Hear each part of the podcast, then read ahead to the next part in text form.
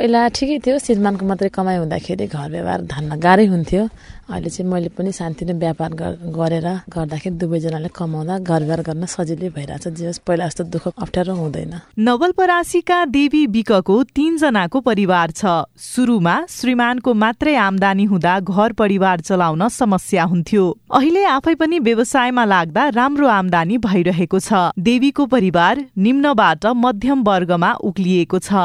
बाराका जगन्नाथ गौतम पाँच वर्ष पहिले महिनामा दसदेखि तेह्र हजार आमदानी गर्नुहुन्थ्यो। तर व्यवसाय गर्न थालेपछि उहाँको आमदानी पाँच गुणा बढेर महिनाको पचास हजार पुग्ने गरेको छ।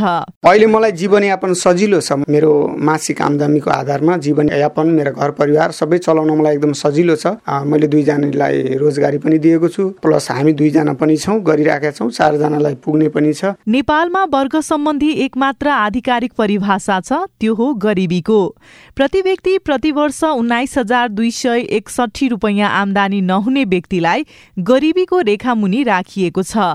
विश्व ब्याङ्कको सन् उन्नाइस सय पन्चानब्बे छयानब्बेको तुलनामा सन् दुई हजार दस एघारमा मध्यम वर्गको संख्या पन्ध्र प्रतिशत बिन्दुले वृद्धि भएको उल्लेख गरेको छ भने एसिया ब्याङ्कले सन् दुई हजार बाह्रमा तेइस प्रतिशत पुगेको सार्वजनिक गरेको थियो। सरकारले अहिलेसम्म मध्यम वर्ग छुट्याएको नै छैन। केन्द्रीय तथ्याङ्क विभाग केही दिनभित्रै सुरु गर्न लागेको सर्वेक्षणमा त्यसलाई समेट्ने तयारीमा छ। विभागका महानिर्देशक नवीन लाल श्रेष्ठ।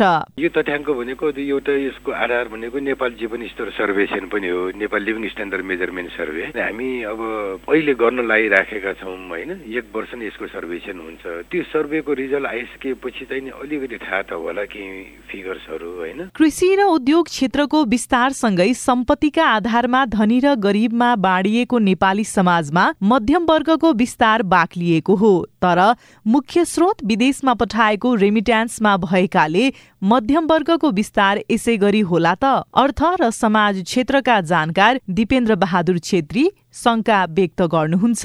मध्यम वर्गमा जानु खुसीको कुरा त हो तर त्यसको स्रोतलाई हेर्ने हो भनेदेखि मुलुककै अर्थतन्त्र बलियो भएर आएको होइन भित्र रहेको हाम्रो अर्थतन्त्र हो। त्यसमा हुनाले मध्यम वर्गमा जाने भने त ट्याक्स पेयर पनि हुन सक्छ नि उनीहरू त्यस कारणले सरकारलाई पनि त्यसले मद्दत गर्न सक्छ एउटा कुरा हो। अनि अर्को कुरो हुने खानेहरूको संख्या बढेर गएपछि चाहिँ शान्ति सुरक्षा पनि हुन्छ कि भन्ने पनि हो। भन्ने निष्कर्षमा हामी पुग्यौँ भने त्यसले त्यति राम्रो दीर्घकालीन रूपले अर्थतन्त्रलाई बलियो बनाउन मद्दत गर्ने दस हजार भन्दा कम न्यून आमदानी भएको डेढ करोड भन्दा बढी मान्छे मध्यम वर्गमा उक्लिन संघर्ष गरिरहेका छन्। तर सामाजिक र आर्थिक मध्यम वर्ग बीच गहिरो खाडल छ। प्रभावको हिसाबले पनि सामाजिक मध्यम वर्गले आफूलाई ठूलो ठान्छ।